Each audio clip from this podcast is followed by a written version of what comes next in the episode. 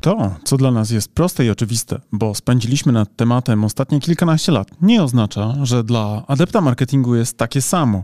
Zatem, jeśli naszym celem jest dotarcie z naszą dobrą nowiną do szerokiego rynku, to musimy pamiętać o tym, że to, co dla nas jest właśnie oczywiste, to dla naszej publiczności może być zaledwie pierwszym kontaktem z tematem. I w dzisiejszym odcinku waszego ulubionego podcastu opowiemy wam, dlaczego przekaz marki ma być łatwy w odkodowaniu i prosty w zrozumieniu. I jak to wszystko gmatwa nam klątwa wiedzy. Bądźcie z nami, tu Karolina Łodyga. I Mariusz Łodyga. A to wasz ulubiony oczywiście, jak już mówiła wcześniej Karolina, wyższy poziom marketingu. Do usłyszenia za chwilę. Bądźcie z nami.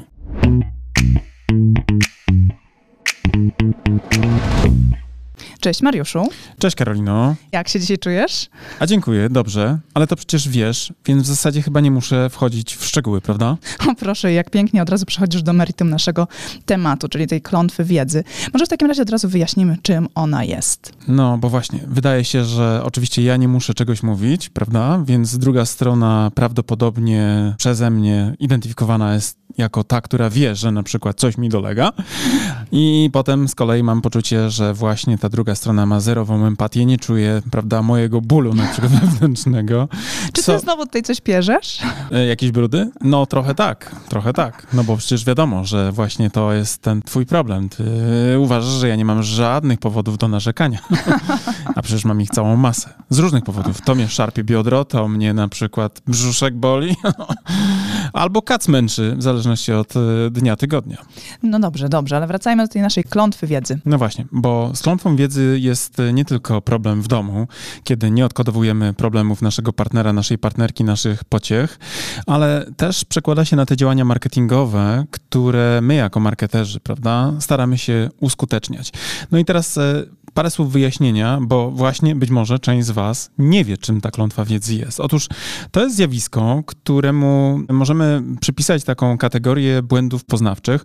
Polega na tym właśnie, że błędnie zakładamy, że osoba, do której komunikujemy, wie dokładnie to samo, co my, a my nie potrafimy sobie przypomnieć, jak to było, gdy nie mieliśmy jeszcze tej wiedzy, którą mamy obecnie. Czyli mówiąc tak trochę po ludzku, wydaje nam się, że to, co ja zdobyłem jako na przykład, nie wiem, strateg marketingowy przez kilkanaście lat pracy w tym zawodzie, prawda, ślęczenia nad książkami, eksperymentowania, prowadzenia badań, pracy nad różnymi klientami w wielu projektach, których nawet nie umiem zliczyć, jest równie oczywiste jak dla na przykład klienta, który jest na przykład specjalistą w produkcji maszyn albo jest właśnie jakimś dostawcą usług e, finansowych, ale niekoniecznie jest właśnie strategiem marketingowym. Tak, no i generalnie ciężko nam jest się po prostu wczuć w rolę osoby, która tej wiedzy nie ma. I to trochę tak jakby prosić właśnie trzylatka, e, przekładając to na taki prosty prosty, basicowy grunt, o to, żeby podał nam z prawej szuflady w łazience zalotkę. No i oczywiście niektóre trzylatki będą wiedziały, co to jest zalotka, ale powiedzmy, że na ten moment nazwiemy ich ekspertami i wrócimy do nich później.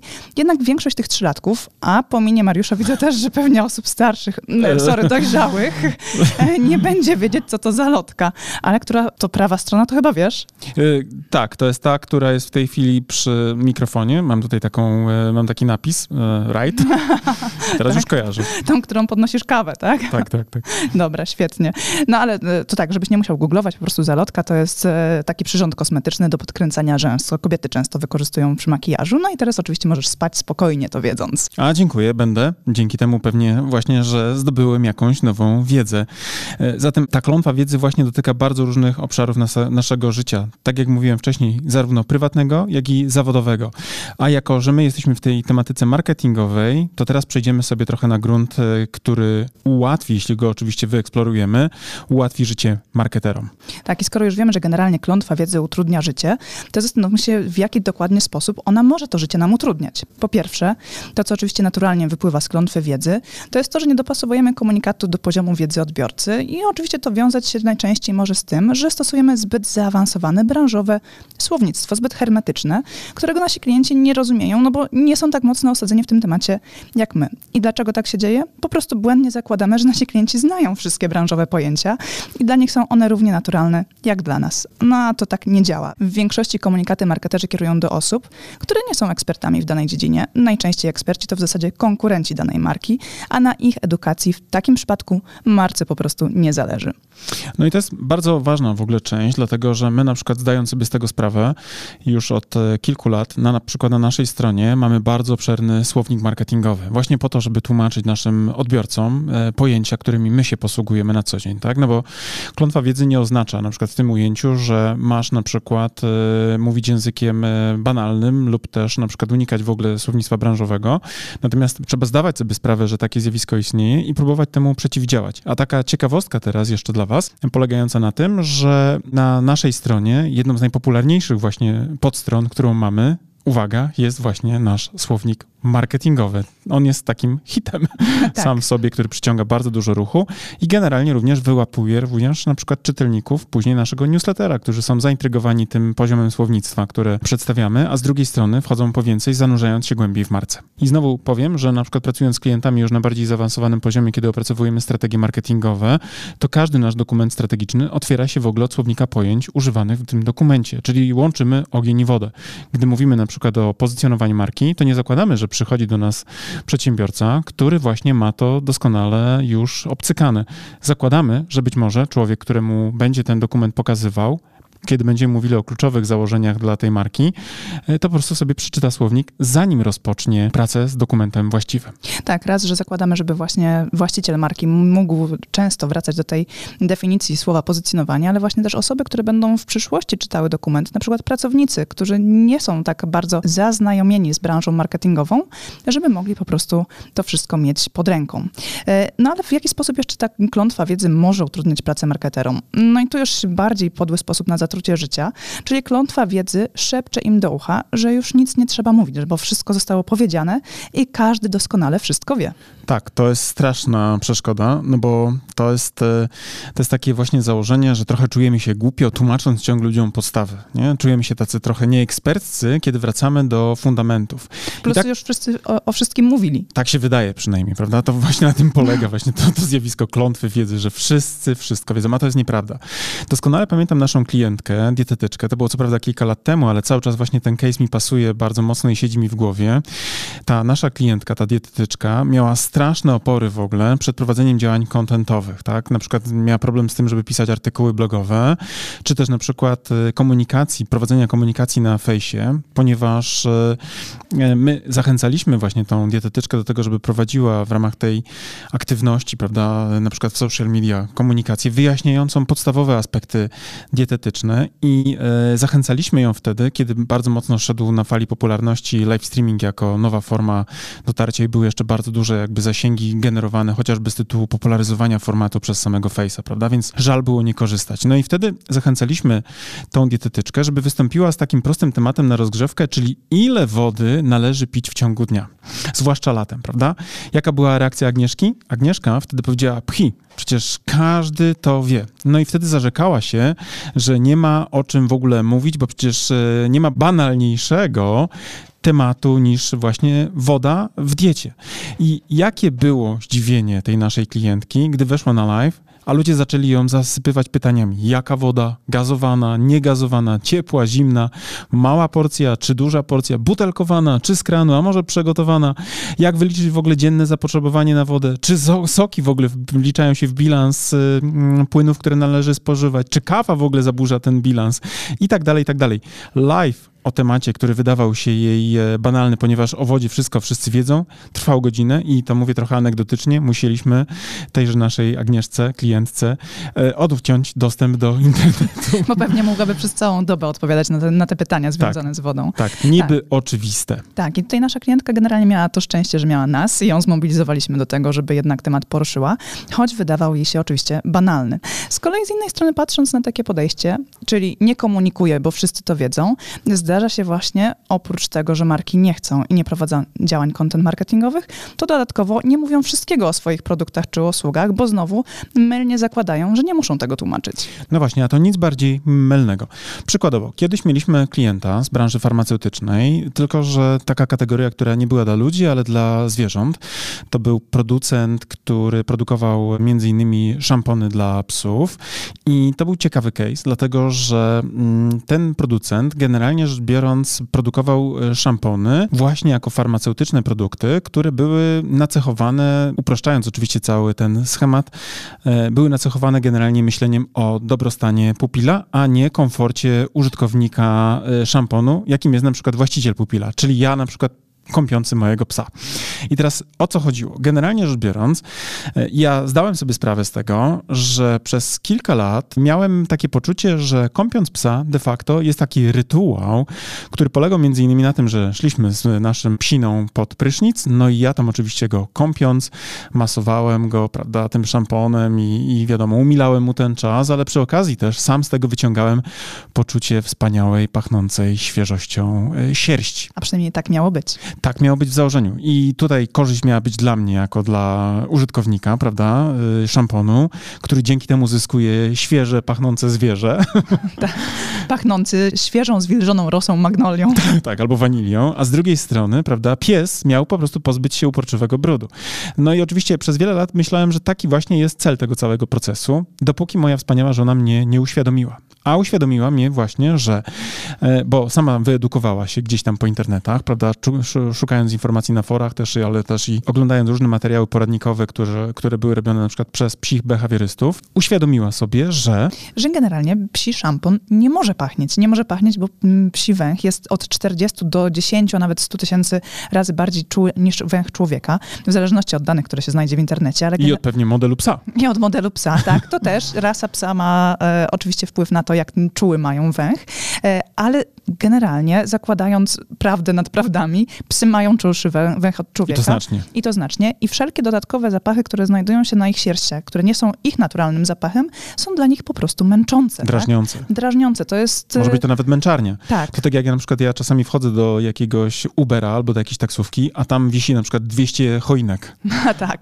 Mnie po prostu po 15 sekundach boli głowa. Tak, a taki pies cały dzień musi ze sobą spędzić, albo nawet i tydzień, bo on pewnie czuje dłużej ten zapach niż człowiek, No tak, bo ja go, po, ja go poczochram, wiesz, na zasadzie, mmm, jaki przyjemny zapach. Nie? I ty myślisz, że po jednym dniu to już wywietrzało, a on cały czas może się dzięki temu zapachowi źle czuć, a tak. w zasadzie przez ten zapach.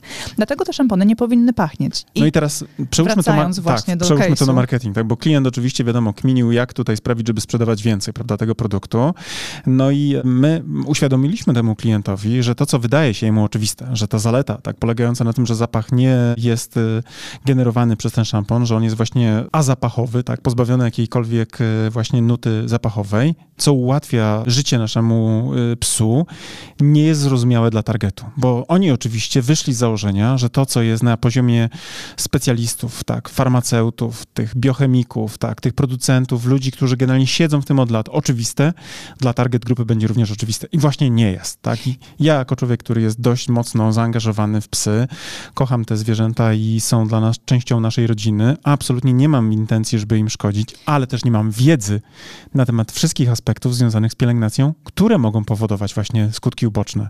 Tak, i klienci w tym przypadku właśnie od szamponów zakładali, że generalnie inteligentni ludzie, którzy wiedzą, że psy mają czuły węch, połączą kropki, że szampony nie powinny tak pachnieć, prawda? Tak. No a tu się okazuje, że jest inteligentny człowiek, wykształcony, a nie I huchu, kropek. Ani tak. huchu, a ma poczucie rozczarowania właśnie, które przenosił później na markę, bo nomen omen byliśmy użytkownikami tej marki i ja pamiętam, jak nawet byłem rozczarowany, mówiąc mojej żonie, słuchaj, wiesz co, ale kupiłaś gówno, to w ogóle nie pachnie. tak, tak. a on dalej śmierdzi psem. Tak, dalej śmierdzi psem, bo ta kąpiel właściwie zasadniczo bardziej mnie zmęczyła. Tak, a efektu żadnego nie ma. A efektu żadnego, nie? Równie dobrze mógłbym psa wziąć na dwór w deszczowy deszcz, y, w, w deszczowy deszcz, masło maślane. W ogóle nie myć go. W ogóle go nie myć, tak. nie? Skutek byłby ten sam. Wytrzepywać tylko łapy na, na wietrze, nie? Więc to jest ewidentny problem i teraz gdybym ja na przykład był właścicielem tej marki farmaceutycznej, to przede wszystkim skupiłbym się w komunikacji właśnie na tych cechach, które być może dla nas jako dla użytkowników marki, tak, nieświadomych są wadą, i przekułbym to na ogromną korzyść. Wskazałbym aspekt emocjonalny związany na przykład z troską, tak,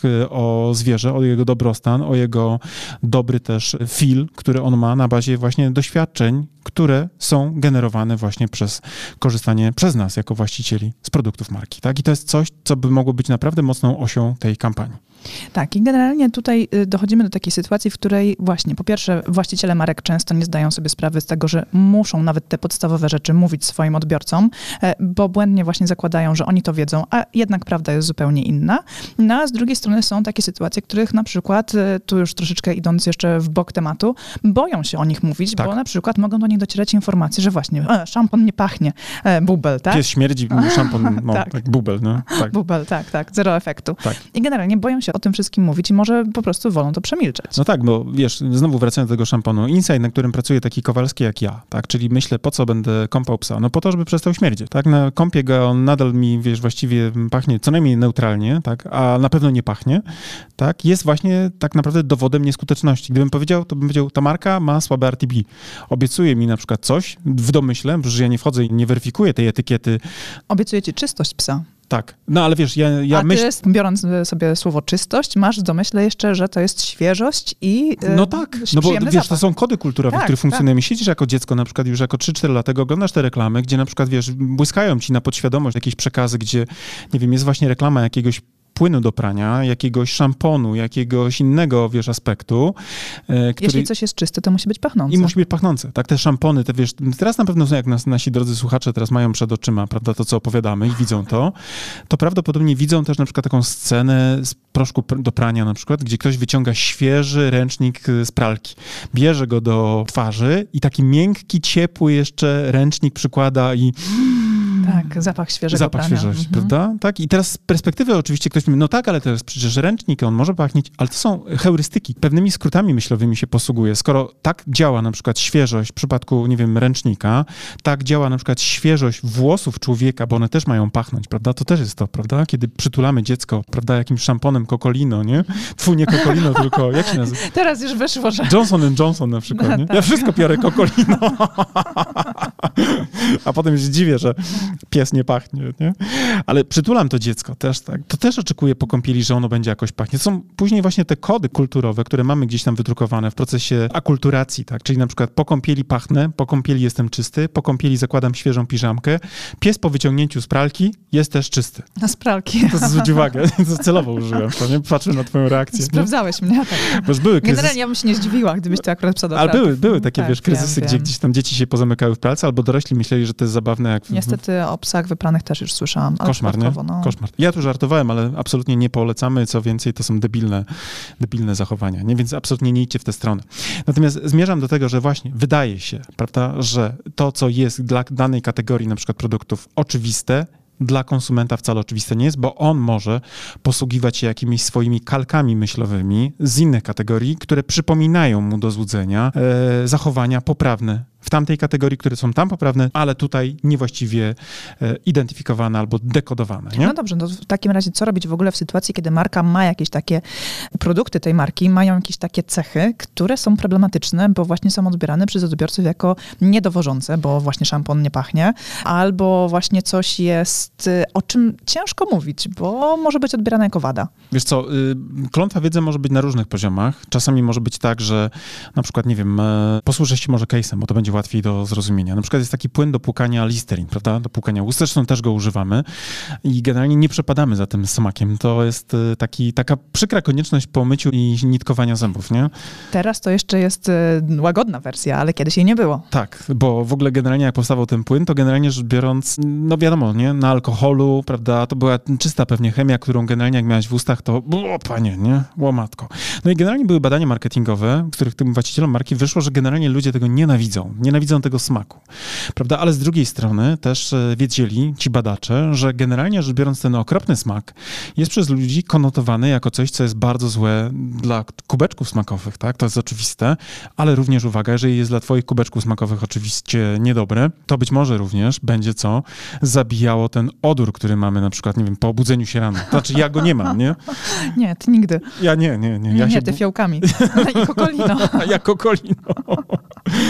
Ale generalnie właśnie Już o to wiecie, chodzi. że Mariusz płucze usta kokoliną. Wszystko puczę jako kolino. No, jak pójdziemy jutro na kolację z klientami, też będę pił A pewnie. wiesz, że od kiedy my się znamy, ani razu w domu naszym nie było kokolino? Nie? A co używamy? Listerin? Tak, do płukania wszystkiego. Do pukania p- w odzieży. Lenor. Lenor. To już wiemy, kto sponsoruje ten podcast. Ale y, wracając do tego Listerin, tak? y, Generalnie chodziło o to, że właśnie ci, którzy byli odpowiedzialni za rozwój tej marki, ustalili w badaniu, że konsumenci nienawidzą tego smaku i postanowili przekuć to na korzyść tej marki, tak? Czyli generalnie rzecz biorąc, zamiast na przykład udawać, że nie ma tematu, bo, bo, Wcale nie jesteśmy tacy niesmaczni. bo wcale nie jesteśmy tacy niesmaczni i nie ma o czym gadać, tylko przekuli to na korzyść, tak? I stworzyli slogan, który doskonale spopularyzował tą markę. W oryginalnie on brzmiał tak. The taste people hate twice a day, tak? Czyli e, smak, którego ludzie nienawidzą, dwa razy dziennie. I teraz znowu, zamiast przemilczać temat, tak? Braku na przykład konkretnego odczucia estetycznego przy smakowaniu tego płynu do płukania ust, po prostu zrobili z tego korzyść i świadomie kolportowali ten przekaz swoim odbiorcom. I to był strzał w dziesiątkę, ponieważ coś, co było negatywną cechą produktu, przekuli jako rzecz, którą ludzie po prostu biorą trochę jak właśnie taki shot. To tak jak z wódką. Idziesz sobie przed imprezą, prawda, masz takiego bifora, mhm. walisz sobie trzy szoty, nie żebyś uwielbiała smak tego, prawda, bimbru, który pijesz, ale wiesz, że bez niego na parkiecie nie będziesz wymiatała tak, jak wymiatasz. No tak, tak. Moje poczucie rytmu po prostu się nie rozgrzeje, tak? Nie jeżeli, rozgrzeje się. Jeżeli te trzy szoty nie Ja celowo mówię o Karolinie, bo ja oczywiście nie tańczę, gdyż uważam, że taniec jest dla ludzi, którzy nie potrafią rozmawiać. Albo nie piją. Albo nie piją wódki, bo im wątroba nie pozwala. tak. tak, tak, tak, tak. Generalnie uważam, że e, każdy, kto pije, w końcu tańczy. Mniej lub bardziej, nie? To jest też prawda, to jest też prawda. Dobrze, idąc dalej, no właśnie. E, zatem, jeżeli wiemy tak naprawdę, że aby e, skutecznie przeciwdziałać tej klątwie wiedzy, trzeba generalnie wyjść z założenia, że to, co nam się wydaje jako oczywiste, wcale nie musi być oczywiste dla konsumentów i co więcej, czasami kiedy już wiemy pewne aspekty związane z tym, jak na przykład może być postrzegany na poziomie sensorycznym nasz produkt, tak, bo na przykład smak albo zapach nie odpowiada, to wtedy na przykład naszym obowiązkiem jest przekładanie tego właśnie w masową komunikację w taki sposób, żeby było to proste i zrozumiałe. Nawet uwaga dla trzylatka. Tak, i tutaj w zasadzie warto jeszcze wspomnieć o jednym z 22 praw marketingowych, o 15 prawie, czyli prawie szczerości. I to prawo szczerości mówi nam o tym, że nie ma firm idealnych. Nie ma też idealnych produktów. Otwarte przyznanie się do wady, czy też słabości może nieść ze sobą po prostu wiele korzyści. Po pierwsze, rozładowuje napięcie tego poirytowanego klienta, który czuje, że został zawiedziony, a po drugie... Tak jak, tak jak w Dniu Świra, nie? Wiesz, na zasadzie ten nasz Adaś bierze psa do kąpieli. Nie wiem, czy tam była taka scena, ale mógłbym sobie wyobrażać, nie? Mhm. Masz zamiar, wiesz, w sobotę rano, wiesz, wykąpać psa, nie? Bierzesz go pod prysznic, myjesz, wiesz, te całe zachody, kompanie, pies się wierci, wiesz, cała łazienka zawalona. No i oczywiście później go wącha, że on nie pachniesz i ja pierdolę, ja pierdolę. No tak by mogło być, nie? No ja mam z tobą cały czas w takim razie dzień świra. A dzisiaj też wam powiem anegdotę. Byłem rano w drodze przed pracą, jechaliśmy, tak nie wiem, czasem taki rytuał pozwalam sobie, żona mi pozwala właściwie, nie? Jak wyrobię normę, kupić kawę na Orlenie i pyk, nie? I wchodzę sobie, nalewam kawę i przede mną taki facet, który generalnie kupił paliwo, no i pan, który go obsługiwał ten przy kasie, pyta, czy fakturkę, nie? Facet mówi tak, fakturę, proszę, nie? Y, jakie dane firmowe? I tu podał, właśnie nie chcę podawać nazwy tej firmy, bo nie o to chodzi, i podawał nazwę jakąś X. I ten sprzedawca mówi, ale tu potrzebujemy dane firmowe, na przykład NIP, a nie nazwę firmy, ponieważ nie, nie wyszukujemy po nazwie. Zawsze podawałem, zawsze podawałem po nazwie i zawsze działało. I się odwraca od tego e, sprzedawcy, sprzedawcy i ja pierdolę, ja pierdolę.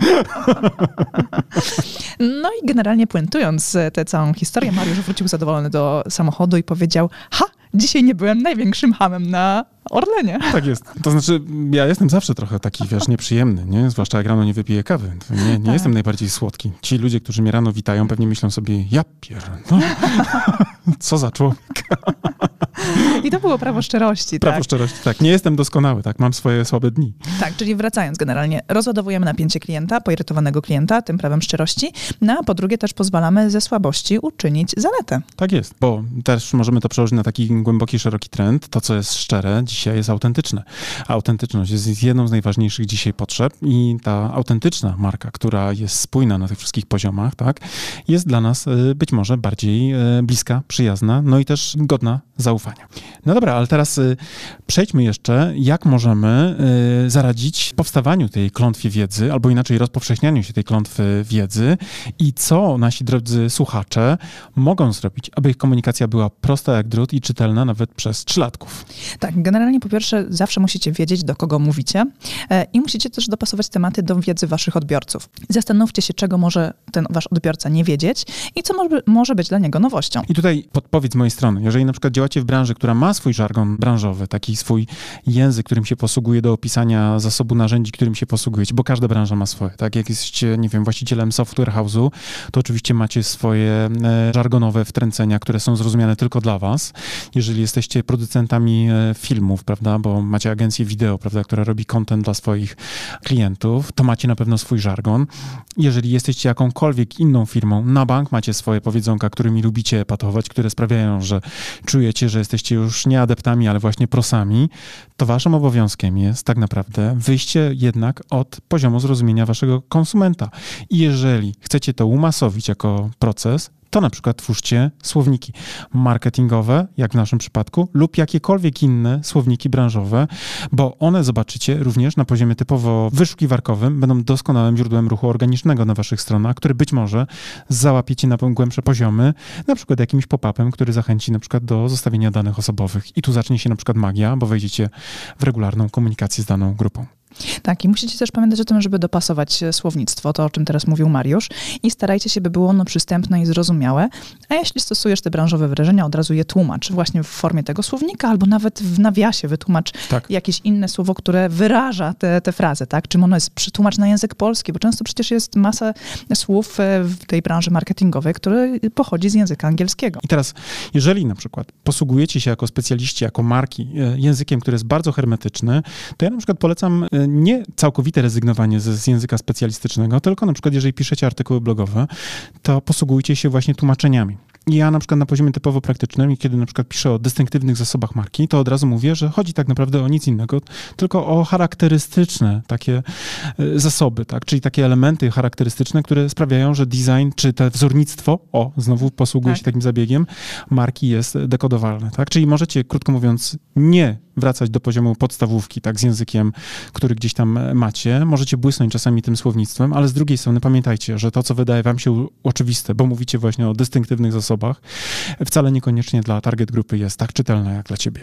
Tak, i pamiętajcie o tym, o czym już wcześniej też mówiliśmy, że w większości przypadków klientami waszych marek nie są eksperci, tak? Jeżeli wasza marka jest dedykowana oczywiście tylko i wyłącznie ekspertom z danej branży i jest bardzo niszowa, no to wtedy słownictwo oczywiście będzie dopasowane do odbiorców.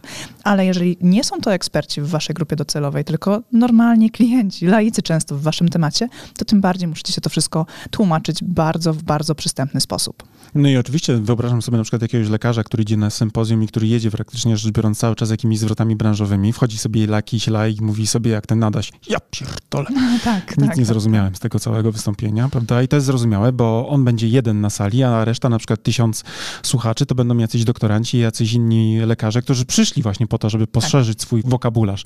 I nomen omen, ja też mówię tym na przykład uczestnikom, którzy mówią, dlaczego nie po polsku, dlaczego nie po polsku, wszystkiego. Mówię, po pierwsze, nie ja wymyśliłem pojęcia, które są w brandingu obecne, ponieważ to anglosasi na przykład wprowadzili branding jako pojęcie do e, języka, prawda? To właśnie brand to jest marka i to jest właśnie tak naprawdę odpowiedź na pytanie, skąd się wzięły w ogóle podstawowe pojęcia Poza tym, że oczywiście słowo brand pochodzi ze staronordyckiego, brandr, ale tutaj nie będę was zanudzał historią, mhm. prawda, całą genezą pochodzenia tego słowa, chociaż mógłbym... Ale masz świetny akcent staronordycki.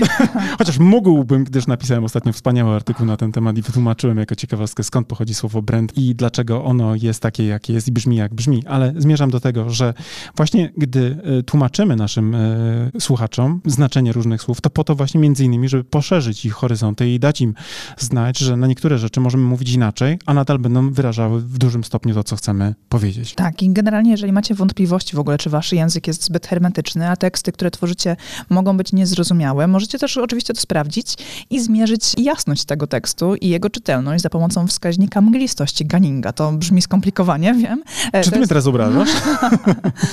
to jest tak zwany wskaźnik FOG e, i jego oczywiście można liczyć e, według wzoru matematycznego, ale generalnie internet jest dużym ułatwieniem dla człowieka i są strony, które wam pomogą właśnie zweryfikować wasz tekst i na przykład jest to strona jasnopis.pl albo e, strona dozabawy.logios.dev. Gdybyście chcieli, to bardzo fajne narzędzia, które pokazują, czy wasz tekst jest na poziomie właśnie osoby, która ma podstawowe wykształcenie, wykształcenie wyższe, na przykład licencjackie, czy magisterskie, czy, czy doktorantem, w ogóle, tak, tak, tak, tak, tak, tak. Albo czy mówisz na przykład do jakiegoś bardzo wąskiego grona specjalistów. I teraz oczywiście wszystko zależy od twojej strategii, tak? Jeżeli twój strategiczny koncept, tak, jest e, nacechowany na przykład językiem, który ma dotrzeć do specjalistów wysokiego szczebla, tak, do bardzo wąskiej grupy, to oczywiście musi być taki, tak, i musi odpowiadać jakby tej nomenklaturze, którą posługują się nasi konsumenci i my musimy jakby tutaj się dostosować do tego poziomu i możemy być hermetyczni, nie przejmując się, że na przykład właśnie jakiś adept zabłąkany wejdzie na naszą stronę i powie, jak Adaś, ja pierdolę, nic nie zrozumiałem, nie? Tak. Bo to nie dla niego jest komunikacja. Natomiast kiedy komunikacja jest dla takiego szerokiego rynku, tak, który musi być, krótko mówiąc, edukowany, który musi być wprowadzany w te arkana, to będzie dużym błędem, kiedy właśnie właśnie ta e, mglistość językowa będzie mu utrudniała komunikację, albo inaczej przyswojenie tej komunikacji. I jako anegdotę wam powiem, że jak pracuję z urzędami właśnie publicznymi, to przede wszystkim pierwsze, co robię, to im tłumaczę właśnie mglistość językową, te arkana jakby związane z dekodowaniem jakby tej mglistości językowej i wskazuję, że akurat język urzędów jest generalnie rzecz biorąc pisany w taki sposób, aby ten konsument, tak, czyli na przykład my jako petenci na przykład w tych urzędach, żebyśmy nie zrozumieli, o co im chodzi. Kiedyś tłumaczyłem, pamiętam jednej dyrektorce w administracji samorządowej te założenia i mówiłem, słuchajcie, moi drodzy, szanowna pani, wasza komunikacja jest tak napisana, że zasadniczo poza wami nikt nie wie, o co wam chodzi. No i ona mówi, Mariusz, i bardzo dobrze, bo gdyby oni zrozumieli, co mogą, to by nas zamęczyli straszliwie swoimi oczekiwaniami. Tak, to prawda. My ostatnio przechodziliśmy przez proces przekształcania tam użytkowania wieczystego. Ja nawet nie pamiętam dokładnie, co my robiliśmy, bo dla mnie to było Nie, to tak było jak we mgle. To było właśnie jak we mgle na zasadzie. I pisma, które przychodziły do nas i ja naprawdę nie byłam w stanie ich odszyfrować. Dla mnie to była czarna magia e, i totalna mgła, totalna. Tak. No i oczywiście ja byłem obok i co ja mówiłem? Ja, to.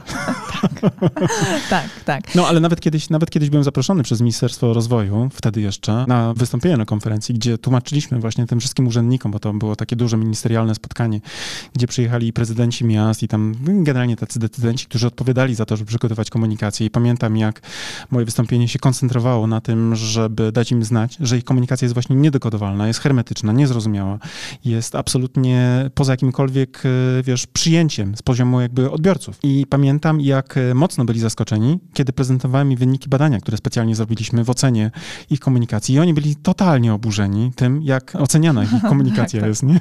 Jak mi się nie podobało to, że właściwie 90% y, badanych, którzy wzięło udział w tym naszym badaniu, wskazało komunikację właśnie urzędową jako hermetyczną, niezrozumiałą, niedostosowaną, nieprzystającą do jakichkolwiek warunków komunikacyjnych, prawda? Tak, Więc tak, tutaj tak. akurat roboty jest bardzo dużo, ale nie tylko ten problem dotyczy oczywiście e, branży publicznej, bo znowu, kiedy jesteście na przykład, nie wiem, specjalistami, macie te same pokusy jak ja, żeby wystąpić na scenie i błysnąć całym tym wokabularzem, który w takim pocie czola zdobyliście, bo to jest naprawdę rzecz trudna. Więc taka mała rada. Jeżeli tworzycie content, to używajcie właśnie tego wskaźnika FOG, żeby zobaczyć, jak to działa. Ja na przykład wiem, jaki jest na przykład FOG dla moich tekstów, które ja piszę i on jest na poziomie około 14 punktów. Ten y, poziom FOGa określa poziom trudności jako poziom, który bez problemu ogarnie człowiek, który skończył liceum i licencjat. Czyli generalnie rzecz biorąc, nie trzeba na przykład właśnie skończyć doktoranckie studia marketingowe, żeby odczytać to, co ja chcę przekazać. I o to mi właśnie chodzi, tak? Żeby mówić językiem specjalistycznym, ale na tyle prostym, żeby jeszcze nie być właśnie zupełnie niedekodowalnym. Tak, i tutaj też, jeżeli chodzi w ogóle o tworzenie treści, czasami mamy takie poczucie, że ciężko jest coś powiedzieć, tak? Często jest wytłumaczyć coś słowami, dlatego warto na przykład przetestować formy wizualne, bo czasami łatwiej jest coś pokazać niż mówić. Zwizualizować dane, tak, żeby na przykład ta wiedza była w sposób obrazkowy, naskalny, tak jak to, wiesz, już ludy pierwotne wiedziały, prawda, żeby opowiedzieć na przykład nowym adeptom e, polowania na sawanie, to najpierw trzeba im pokazać na przykład jakąś grafikę, nie? Zobacz, to tak Jak wygląda... mamuta zapędzić drogą. tak, tak. I tu w grupie, nie? Dźgamy go, dźgamy po tych wszystkich i tak dalej, nie? Tak, tak. tak. Prawdopodobnie to były, to co my dzisiaj się zachwycamy, że to były formy na przykład jakichś, wiesz, e, naskalnych malowideł, to po prostu były sale szkoleniowe, gdzie generalnie nie, nie zeszło po domyciu na przykład ze ściany, nie? Tak, tak, tak, tak, tak. Zatem właśnie, wszelkie infografiki, wykresy, tak, tak. wizualizacje, e, czasami filmy, zdjęcia, tak, przedstawienie produktów w użyciu tak. będzie e, generalnie prostsze niż samo opisanie tego. Tak.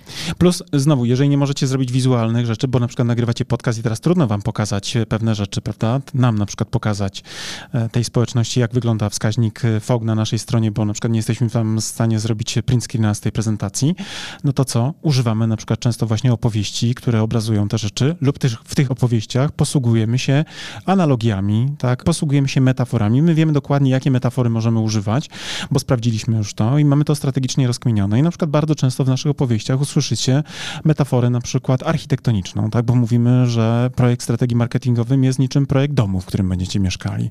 Albo, że strategia jest niczym mapa drogowa, która wskaże wam kierunki, prawda? Albo kiedy mówimy o analogiach, prawda, to mówimy, że dobra strategia jest jak recepta, którą musisz pójść zrealizować. Jeżeli chcesz być chory, y, to oczywiście nie realizuj tej recepty, zostaw sobie, ale jak chcesz szybko wyzdrowieć, to bierz receptę do aptekarza i łykaj te piguły w postaci na przykład rekomendacji, które mamy dla was i tak dalej, i tak dalej.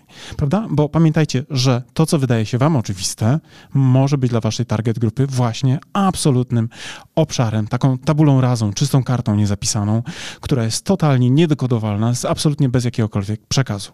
Tak, więc te wszystkie analogie i metafory bardzo mocno ułatwią odbiór waszej treści i ułatwią zrozumienie tego, o czym mówicie. No i teraz jeszcze jedna rzecz, e, bardzo istotna na sam koniec, czyli pamiętajcie o tym, że nie wolno omijać tych tematów i wątków trudnych, tak? Tych, które e, mogą wydawać się dla was takimi, które jeżeli tkniecie, to będzie jak takie zgniłe jajo, które po prostu uwolni swoje wszelkie moce. Nie mówmy, że nasz szampon e, nie pachnie, po prostu dajmy się domyśleć naszym odbiorcom, że tak właśnie ma być. Błąd. Tak, tak, błąd, tak. I pamiętajcie błąd. o tym, że po prostu dobre wyjaśnienie sprawy może zmienić punkt widzenia odbiorców nawet o 180 stopni. Co więcej, z takiej przykrej sytuacji można uczynić korzyść, główną korzyść marki na przykład, nie? Tak. Która może być absolutnie zwycięskim wyróżnikiem na tym rynku, na którym działacie. Wszystkie inne zabijają psy, wszystkie inne szkodzą, a nas po prostu jest ekstraktem czystej miłości. tak. O tak, Jezu, jak to by się działo jako slogan. Miłość, która nie pachnie, ale która daje życie. O, Jezu, grubo, ja jestem dobry grubo. w takich emocjonalnych. Ja mówiłem ci, że jestem po prostu doskonałym wodzicielem. To, co mówiłem w poprzednim podcaście, trzy randki i Karolina już ze mną mieszkała. Nie trzy, więcej. No, No, No. znowu ci to wypomnę więcej. to jest klątwa wiedzy. Ty myślisz, że... Nie byłeś aż tak doskonały. Dobra, moi drodzy, nie brniemy w te żenujące opowieści, bo Karolina się wypiera, a wiem jak było. Nie wiem. Dobrze, kochani, pamiętajcie o czym powiedzieliśmy. Klątwa wiedzy to jest coś, co dotyczy każdego. Każdy może wpaść w pułapkę, którą ona nas zostawia i teraz naszą rolą jako marketerów jest rozbrojenie tej bomby, ponieważ ona może niestety, kiedy wybuchnie, bardzo nam zaszkodzić. Dokładnie tak. Także y, twórzcie treści, wcielajcie się w waszych odbiorców, tak? Wchodźcie w ich skórę i dopasowujcie się do nich y, z językiem, ale i z treściami, które dla nich tworzycie, by te treści dla nich były zrozumiałe. Ja jeszcze może na koniec powiem o genialnym sloganie marki. Właściwie to było chyba hasło reklamowe marki usług finansowych, marki Bocian. Jak nie masz siana, leć do bociana. Leć do Bociana, doskonałe. Słuchaj, jedna nasza klientka powiedziała kiedyś, że jej trzy albo czteroletnie dziecko kiedyś na zakupach powiedziało swojej mamie, kiedy ona powiedziała, wiesz córka, czy tam synek, nie, Jasiu na przykład, nie mogę ci kupić tej zabawki, wszyscy rodzice znamy to, ponieważ nie mam pieniążków. Na co trzy albo czterolatek powiedział matce, mama jak nie masz siana, idź do Bociana. Zobaczcie, jak niesamowite. Brutalnie uderzyło ale, to w ale właśnie to jest to, nie? Firma nie mówi o instrumentach finansowych, o wiesz, stopach procentowych, o ratingu i tak dalej, tylko mówi tak naprawdę językiem bardzo prostym, dekodowalnym nawet dla trzylatka. To jest doskonały przykład tego, jak ta firma, ten człowiek, który odpowiadał za przygotowanie komunikacji marketingowej, doskonale zrozumiał, na czym ta zabawa polega. Tak, i z tym was zostawimy w dzisiejszym odcinku. Tak, to był wyższy poziom marketingu. Karolina Łodyga, I Mariusz Łodyga. bądźcie z nami już niebawem. Do, do usłyszenia. usłyszenia. Cześć. Cześć.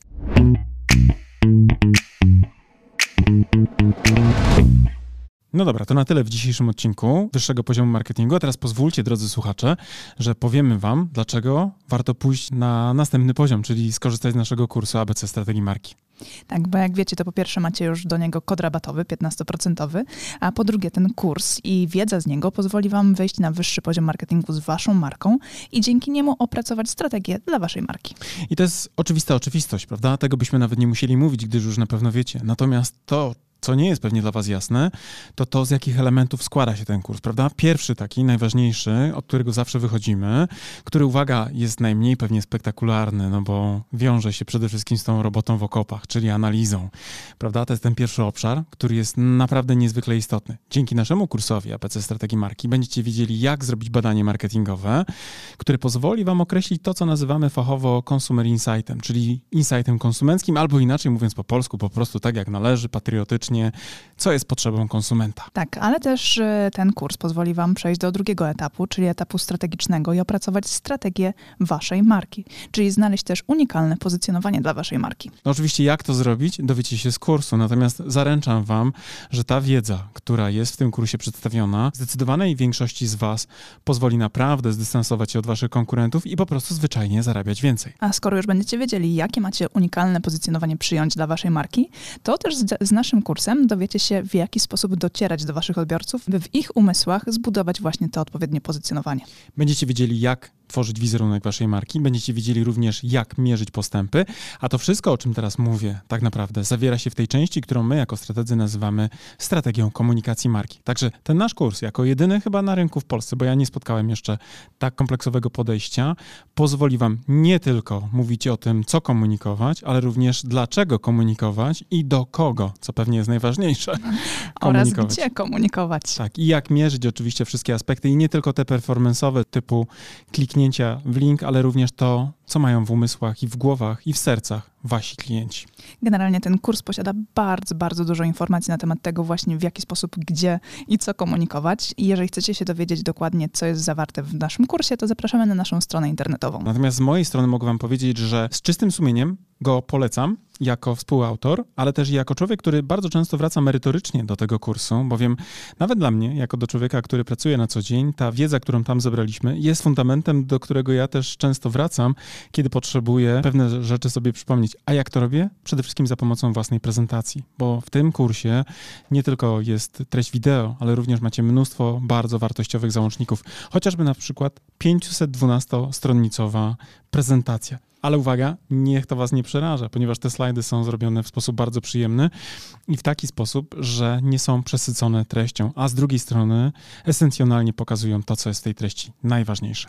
Tak, a z tego praktycznego punktu widzenia w kursie macie również załączniki takie dodatkowe do pracy własnej, e, z którymi możecie opracować własną strategię. Jest szablon opracowania strategii marketingowej, ale też jest przykładowa strategia naszej marki.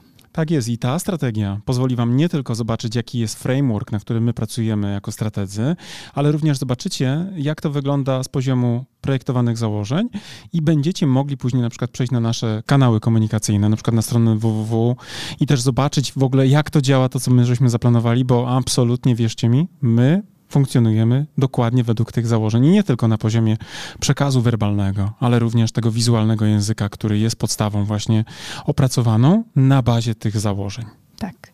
Zatem, jeżeli chcecie dołączyć do naszego kursu, zapraszamy na naszą stronę internetową. Jeżeli jeszcze nie jesteście pewni, również zapraszamy na naszą stronę internetową, by dowiedzieć się więcej.